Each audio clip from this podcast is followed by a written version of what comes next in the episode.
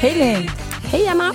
Nu kör vi lite foderpodd idag igen. Ja, det är härligt. Ja, det är härligt. Och idag ska vi prata om fodrets eh, sammansättning eller råvaruinnehåll.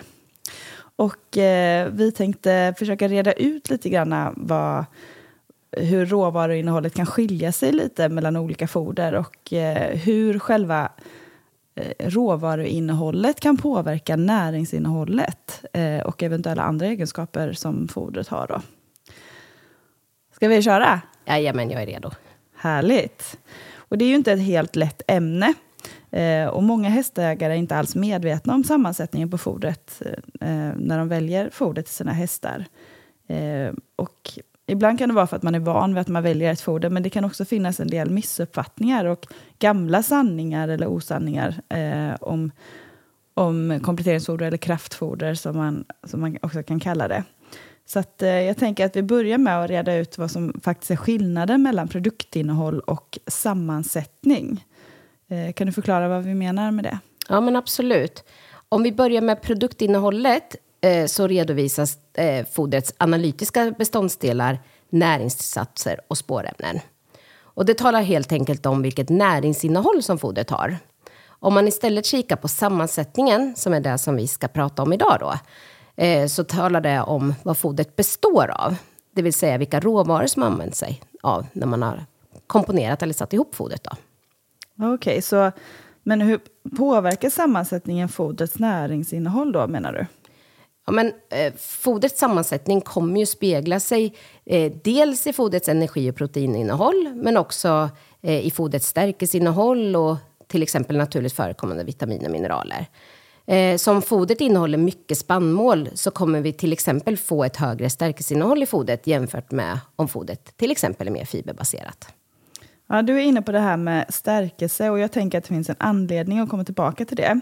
Men eh, om vi börjar med att exemplifiera vad vi kan hitta för råvaror i fodret. Vilka är de vanligaste eh, råvarorna?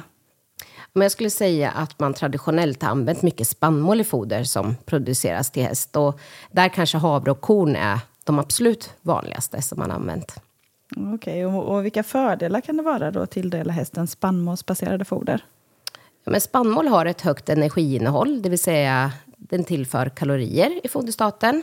Och man brukar säga att spannmål innehåller ungefär 9-12 megajoule omsättbar energi per kilo torrsubstans och någonstans 65-90 gram smältbart råprotein per kilo torrsubstans. Så i förhållande till varandra så tillför spannmål främst energi och det räknas ju inte som ett proteinfodermedel. Då. Eh, och ofta används det här till hästar som har kanske svårt att gå upp i vikt och eh, som kanske har ett högre energibehov då, eftersom det har ett högt energiinnehåll. Ja, okay. Så till hästar som behöver mer kalorier så kan det vara ett, ett bra, en bra råvara. Men kan det finnas någon nackdel med spannmålsbaserade foder? Ja, men spannmål så har ju som jag tidigare nämnde ett högt stärkelseinnehåll. Och i hästens naturliga foder, det vill säga gräs, så innehåller eh, gräs väldigt lite stärkelse. Eh, och det här gör att hästen inte är särskilt bra på att bryta ner stärkelse. Har man till exempel en häst som man särskilt noggrant behöver undvika stärkelse till eh, så är ju inte spannmåls spannmålsbaserade foder någonting att föredra. Då. Nej, och kan du berätta lite mer om vilka typer av hästar det är då? Ja, men dels så kan det vara hästar där man misstänker eller har konstaterat magsår. Eh, då är en högre stärkelsegiva en riskfaktor.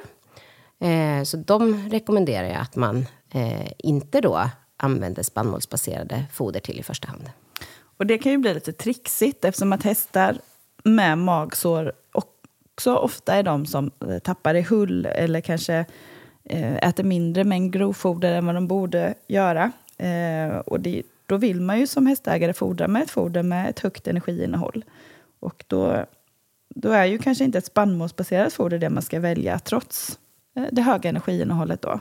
Nej, men precis. Och där tycker jag att man kan försöka kika på ett mer fiberbaserat alternativ, men som fortfarande har ett lite högre energiinnehåll. Då. Men vad kan ett fiberbaserat foder innehålla för att höja energiinnehållet? Ja, här tycker jag verkligen att det har skett en utveckling, de, bara, kanske bara de senaste tio åren. Eh, tittar vi på Hippolyt så har vi ju många foder som har ett eh, högt innehåll av gräsfibrer, vilket är mer skonsamt att fodra hästen med jämfört med att fodra stora mängder spannmål. Eh, och fiberbaserade foder kan ju också till exempel bestå av lucern eller lucernfibrer. Då.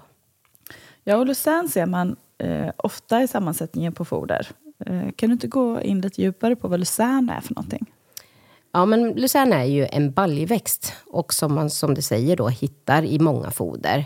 Eh, det förekommer ju också ren eh, lucernpellets eller lucernhack. Eh, och energiinnehållet ligger relativt lågt eh, och i kombination då med ett högre proteininnehåll som lucern har så är det framförallt en råvara då som tillför protein eh, i foderstaten. Eh, och någonting som man också kan känna till då är att lucern också generellt sett har både ett lite högre kalcium och magnesiuminnehåll. Vilket också påverkar eh, näringsinnehållet i de foder som man då väljer att blanda i lucern i. Ja, okej. Okay. Och om vi återigen då ska jämföra skillnaden mellan till exempel att använda havre jämfört med gräsfibrer eller lucern som en del av fodrets sammansättning så kan vi titta på råvarans innehåll av växttråd också. Kan mm. du beskriva vad växttråd är för någonting? Ja, andel, andelen växttråd talar ju om vilket fiberinnehåll som fodret eller råvaran har. Och tittar man på havre så har ungefär 10% växttråd medan lucern innehåller 27-30 växttråd. Eh, och här kan man ju också jämföra då stärkelseinnehållet där eh, havre ungefär innehåller 40 stärkelse och lucernpellets eh, innehåller mindre än 1% stärkelse. Så då förstår man ju verkligen att kompletteringsfoder eller då kraftfoder eh, har ett väldigt olikt näringsinnehåll eh, beroende på vilka råvaror som finns där i. Ja, och ändå så stöter vi mer eller mindre dagligen på uh, att kompletteringsfoder eller kraftfoder som man ofta säger dras över samma kam, alltså jämförs med varandra.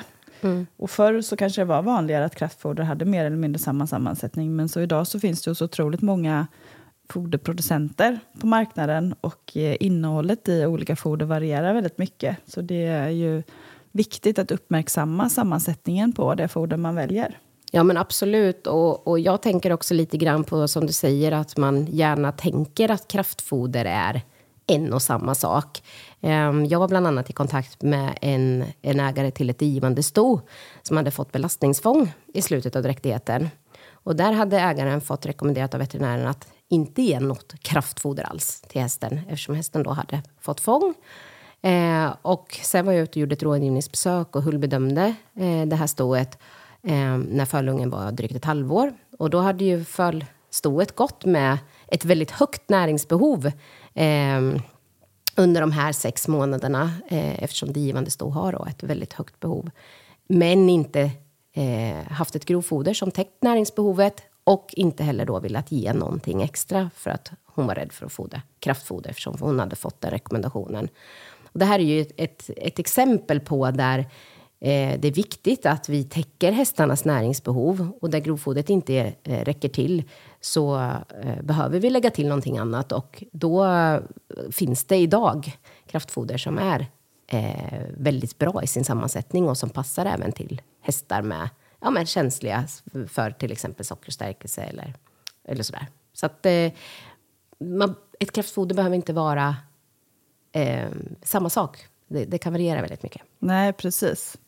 Och eh, att man inte glömmer bort där vad hästen faktiskt har för behov.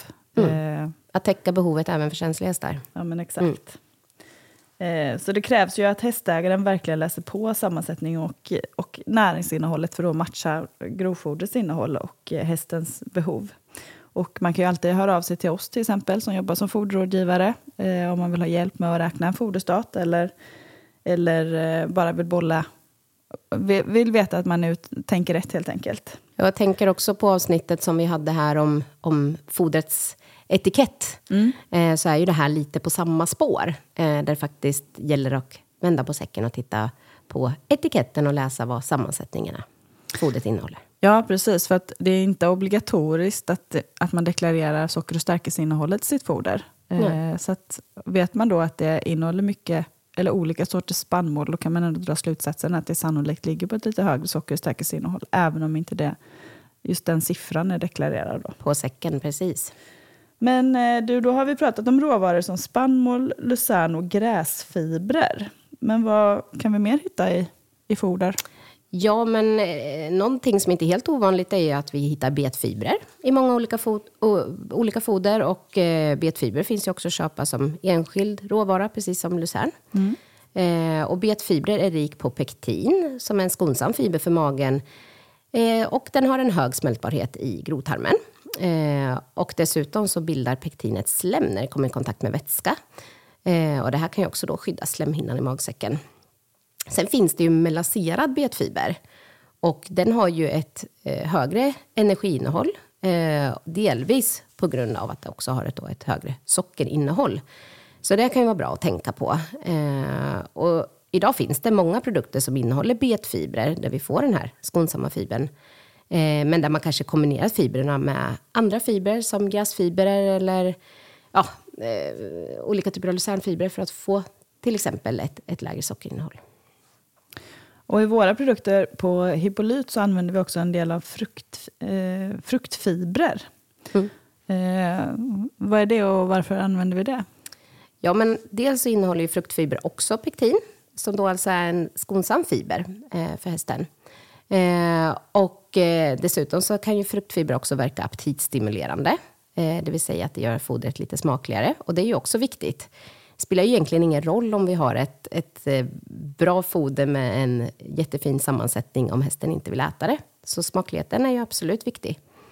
Eh, och en av de fruktfibrerna som vi har och använder oss av är ju druvor.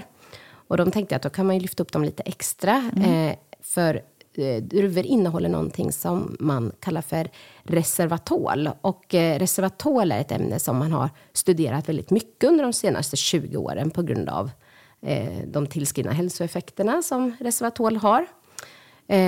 Och det man vet är att reservatol är en potent antioxidant. Och den finns då i skalet på de här röda vindruvorna. Och sen har man sett i studier att resveratrol också ökar insulinkänsligheten. Vilket gör den här typen av fruktfiber eh, att den kan ha en, en eh, viktig funktion för till exempel sockerkänsliga hästar.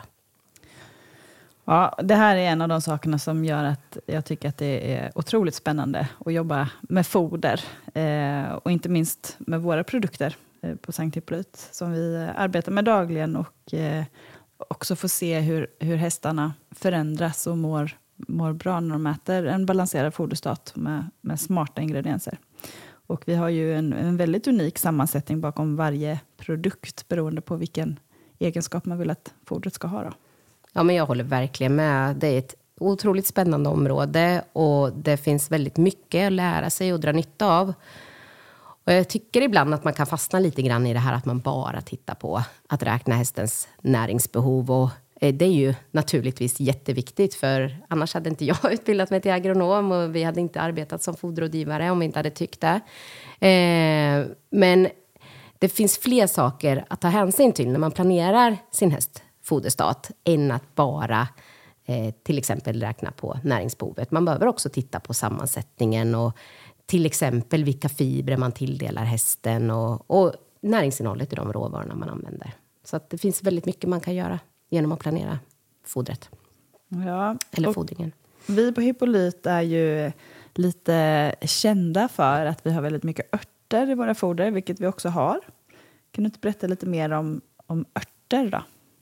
Ja, men jag skulle säga att man bara, kanske också här för bara en tio år sedan, tyckte att det var lite konstigt och annorlunda. Och, och som sagt var, vi ju varit väldigt kända just för att ja, men hippolyter luktar och det, det är örter i fodret. Så. Men jag tror att det, och jag upplever att det är en annan förståelse eh, för att vi eh, har örter i fodret och vi ser det också, tycker jag, dyka upp både här och där nu för tiden. Eh, och eh, något som fascinerar mig enormt är ju att man på en ängsmark kan hitta upp mot 60 olika växter per kvadratmeter ängsmark. Och tittar man i naturbeteshage så hitta, kan man hitta upp mot 40 olika växter på en eh, kvadratmeter. Så att det är ju en enorm artvariation ute i naturen. Eh, och jämför vi det i sammansättningen på många av våra producerade vallar som vi har idag så kanske vi ser en tre, fyra olika sorters grässorter om vi tittar på de vanligaste utsädessammansättningarna som finns till häst. Så det är en otrolig skillnad eh, och fascinerande. Ja, det är det verkligen. Eh, och just det här avsnittet handlar ju inte om, om mångfald, men vi kommer faktiskt ha ett avsnitt om bete och där vi pratar om just naturbete och lite mer om, om eh, hur hästar på naturbete kan stimulera den biologiska mångfalden. Åh, spännande. Eh, men örter i våra foder då? Eh, vilka örter ser vi bland våra foder? Ja, men här kan vi hitta exempelvis rosmarin eller anis, eh, pepparmynta, bockhornsklöverfrön och mariatistel, bara för att nämna några av de som vi använder. Eh, och många örter har ju genom århundraden traditionellt använts inom olika medicinska områden. Och för en del örter och växtämnen eh, och dess innehåll så finns det vet vetenskapliga studier gjorda. Eh, och vi har ju bland annat ett tillskott som heter Glucogard eh, som har ett helt naturligt innehåll av olika växter och örter. Och den produkten eh, så har vi en vetenskapligt publicerad studie bakom som visar då på en signifikant skillnad mellan blodsocker och insulinnivåer, till exempel. Ja, det är väldigt spännande att ett tillskott eh, för hästar med ett helt naturligt innehåll eh, både har studerats och visat eh, så, så fina resultat eh, i en publicerad vetenskaplig eh, artikel och studie. Eh, och här kanske man skulle önska att örter och dess effekt studerades ännu mer. Ja, men lite så. Um, genom att genomföra studier uh, så kan man ju få en dokumentation uh, på att någonting verkligen har en effekt. Uh, och sen finns det ju områden där studier inte är gjorda. Men det behöver ju inte betyda att det nödvändigtvis inte finns en effekt. Men det finns ingen dokumenterad effekt, så vi kan inte säga någonting. Än. Än. Eh, och det här är ju inte ett helt lätt område. Och eh, därför så tycker jag att det är extra roligt att det finns studier där faktiskt eh, man har sett dokumenterade effekter. Men, men som sagt vad det är eh, väldigt lite studerat skulle jag säga. Och, och, jag skulle gärna önska mer studier på bland annat då örter och, och vilken effekt de skulle kunna ha hos hästen. Mm. Och när vi ändå är inne på det så kan inte du berätta om varför vi har havtornsmacerat i några av våra eh, senaste produkter i sortimentet? Ja, havtornsmacerat. Eh, här har man ju faktiskt sett en effekt på magslemhinnan hos hästar. I en publicerad studie som är också gjord på häst eh, så såg man att eh, slemhinne irritationer, framförallt då i den röda delen av magsäcken, försvann under den här fyra veckors perioden som hästarna fick havtorn som tillskott varje dag. Eh, så precis som du säger, i några av våra nya produkter så har vi havtornsmacerat eh, just av den anledningen. Spännande. Mm -hmm. eh, jag tänkte, kan vi inte ta och knyta ihop säcken i det här avsnittet med att titta på två olika foder med olika sammansättning? Och då jämföra hur mycket de faktiskt kan skilja sig, även fast man tror att det är att de marknadsförs ut till samma typ av kund. Absolut. Och då tänkte jag att vi kunde jämföra ett av våra foder, då, Naturmüsli Solo, som är ett eh, foder som är eh, väldigt vanligt förekommande. Eh, och om vi jämför det med ett annat foder som också är väldigt vanligt på marknaden. Så vi har jämfört två foder som, som eh, du kan hitta och som marknadsförs till samma typ av häst. Då. Men vi kallar det fodret för X, men det är ett verkligt foder. Då. Eh, och eh, ja, jämför sammansättningen och även näringsinnehållet. Kan inte du Tar du den bollen? Absolut. Eh, jag tänker att vi börjar med Naturmedicin Solo. Så eh, har det en väldigt bred sammansättning. Eh, jag vet inte, ska vi gå igenom eh, sammansättningen? Ja, kör. Ja, vi kör. Eh, snittad lucern, betfibrer. Det är Man... alltså mest av de här råvarorna som du berättar i början? Ja, men precis. Fallande ordning eh, när, när man deklarerar för sammansättningen. Det är bra att du säger. Um, så att det som räknas upp i början är, innehåller fodret mest av och sen i fallande ordning. Då. Och alla de här sakerna som står med i sammansättningen har vi inte pratat om. Då skulle det här avsnittet bli långt. Mm. Men jag räknar upp dem i fallande ordning. Eh, snittad lucern, betfibrer, majsgroddar och det här är ju själva grodden på majsen som man använt som är till exempel väldigt rik på naturligt E-vitamin. Sen har vi fruktfibrer, eh, äpplen och druvor har vi använt, eh, sojaflingor, eh, äppelsirap, vetekli, lättkrossade oljefrön och det är linfrön, solros och majsgroddar och svartkumminfrön som man använt. Snittat varmluftstorkat hö, örter och där är det pepparmynta, fänkål, timjan, rosmarin, brännässlor och kamomill. Eh, sen är det salt, oljefrökakor, samma sak här, linfrön, solros, majsgroddar och svartkummin. Kallpressade oljor, linfrön, solros, majsgroddar och svartkummin. Riskli, magnesiumoxid, di, eh, kalciumfosfat, eh, kalciumkarbonat, ättika, magnesiumformat, acetat, öljest och vanilj. Det var en lång lista. Hur många ingredienser är det? Det är 30 olika ingredienser och då har jag räknat med att eh, linfrön, solros, majsgroddar och svartkummin då är samma ingrediens. Men att det inne, eh, förekommer då i lite olika format. Eh, både som oljefrön, oljefrökakor och kallpressade oljor. Och om vi då analyserar näringsinnehållet, då, de analytiska beståndsdelarna av de här råvarorna eh, samlat. Hur ser, hur ser det ut då? Mm, då har jag inte valt att titta på allt då.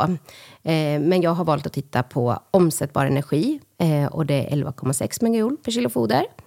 Smältbart råprotein 101,2 gram eh, per kilo foder. Stärkelse 4 och socker 8 procent. Okej. Och här speglar ju näringsinnehållet att det är ett fiberbaserat foder utan spannmål eftersom att det är ett lågt socker och stärkelseinnehåll. Eh, stärkelseinnehållet är endast 4 procent. Mm. Om vi då jämför och tittar på det här fodret som vi kallar för X, hur ser sammansättningen ut där? Ja, men där ser sammansättningen istället ut så här, eh, i fallande ordning då. Havre, havrekli, vetekli, vete, torkad betmassa, korn, lucern, melass samt en min- eh, mineral och vitaminblandning. Okej, och då, det var tio olika ingredienser i det fodret. Eh, och det var en, en del spannmål. Hur påverkar det näringsinnehållet jämfört med solo då? Ja, och tittar vi på de analytiska beståndsdelarna här eh, så är omsättbar energi 10,5 megajoule per kilo foder. Smältbart råprotein 75 gram per kilo foder. Stärkelseinnehållet ligger på 25 och sockerinnehållet på 5.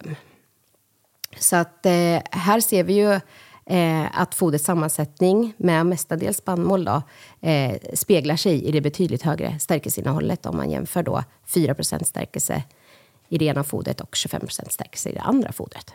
Ja, precis. Så det är två foder eh, som marknadsförs till samma typ av, av häst eller samma typ av kund. Men de skiljer sig väldigt mycket både i sin sammans, sammansättning och i det, det totala näringsinnehållet. Mm. Och nu har vi inte kikat på hela eh, näringsinnehållet. Eh, men innehållet av vitaminer och mineraler mellan olika foder kan ju också variera stort. Eh, och eh, i det här mynnar ju det alltså ut i en utfodringsrekommendation eh, för eh, alla typer av foder.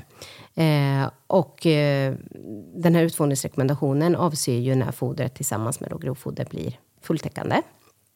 Eh, och om jag här räknar på en 500 kilos häst som gör ett normalt arbete med ett grovfoder av medelkvalitet eh, och där vi ser till att hästen äter minst 1,5 kilo torrsubstans per 100 kilo kroppsvikt, som är minsta rekommenderade, så behöver vi fodra 800 gram av Naturmüsli Solo för att foderstaten ska vara fulltäckande tillsammans med en saltsten. Och om vi istället räknar på foder X så behöver vi ge 2 kilo per dag för att foderstaten ska vara fulltäckande tillsammans med samma mängd grovfoder och en saltsten. Ja, och det gör ju en ganska stor skillnad på den dagliga givan och eh, mängden kraftfoder i foderstaten. Men det påverkar också den dagliga kostnaden. Och man, alltså, man kan tänka att man kan transportera hälften så mycket eller mer än, än hälften, hälften så lite. Mm, absolut. Eh, betala kanske lite mindre också, eller hur ser det ut på den ekonomiska biten? Ja, men om, om man då räknar på den dagliga kostnaden som kanske är det absolut viktigaste för hästägaren att se vad, vad som faktiskt det kostar per dag. Eh, så kommer ju eh, Naturmüsli Solo med kostnaden för säcken då och med den dagliga givan att kosta 20 kronor och 60 öre per dag. Eh, mellan Foder X då med sin foderkostnad och eh, utfodringsgiva kommer kosta 21,90 kronor per dag. Så det blir ett högre pris eh, på det fodret som man behöver fodra betydligt mer utav. Även om säcken kanske är lite billigare. Precis. Så du behöver betala mindre och transportera hälften om Mm. du väljer det foder med högre näringsinnehåll och, och en högre koncentration kanske då, även av eh, mineraler. Och eh, också en väldigt bred sammansättning. Ja, nu har vi ju verkligen jämfört eh, fodrets sammansättning och eh, fodrets näringsinnehåll och eh, även den dagliga kostnaden. Och eh, vi har fokuserat på sammansättningen och eh, hur sammansättningen faktiskt påverkar näringsinnehållet. Så vi kan väl säga att tipset är till dig som lyssnar och är hästägare. Vänd på säcken, eh, läs vad den innehåller och kolla upp vad har fodret för sammansättning. Är det relevant för din häst? Är det mestadels fibrer eller är det mestadels spannmål? Och hur ser näringsinnehållet ut jämfört med det du, du söker? Och tycker man att det här är svårt så får man verkligen jättegärna kontakta oss eh, rådgivare så hjälper vi till. Absolut, och ni når ju oss på info.hippolyt.se eller så kan man också ringa på 0413 486 100. Bra, då får vi tacka för oss för det här avsnittet. Och eh, vi kanske får anledning att återkomma till det här ämnet i ett annat avsnitt eh, längre fram. Det hade också varit kul att prata om kanske lite olika produktionsmetoder. Hur man framställer och hur man producerar olika råvaror och hur man hanterar dem innan de hamnar i en, en eh, säck med müsli till exempel. Så spännande. Ja, det finns mycket att fördjupa sig i. Vi kanske får eh, podda från en fabrik någon gång. Ja, det hade varit jättekul. Men det kanske, det kanske inte blir idag. Nej, inte idag. Nej. Ha det bra. Ja, ja, hej hej. Hej, hej.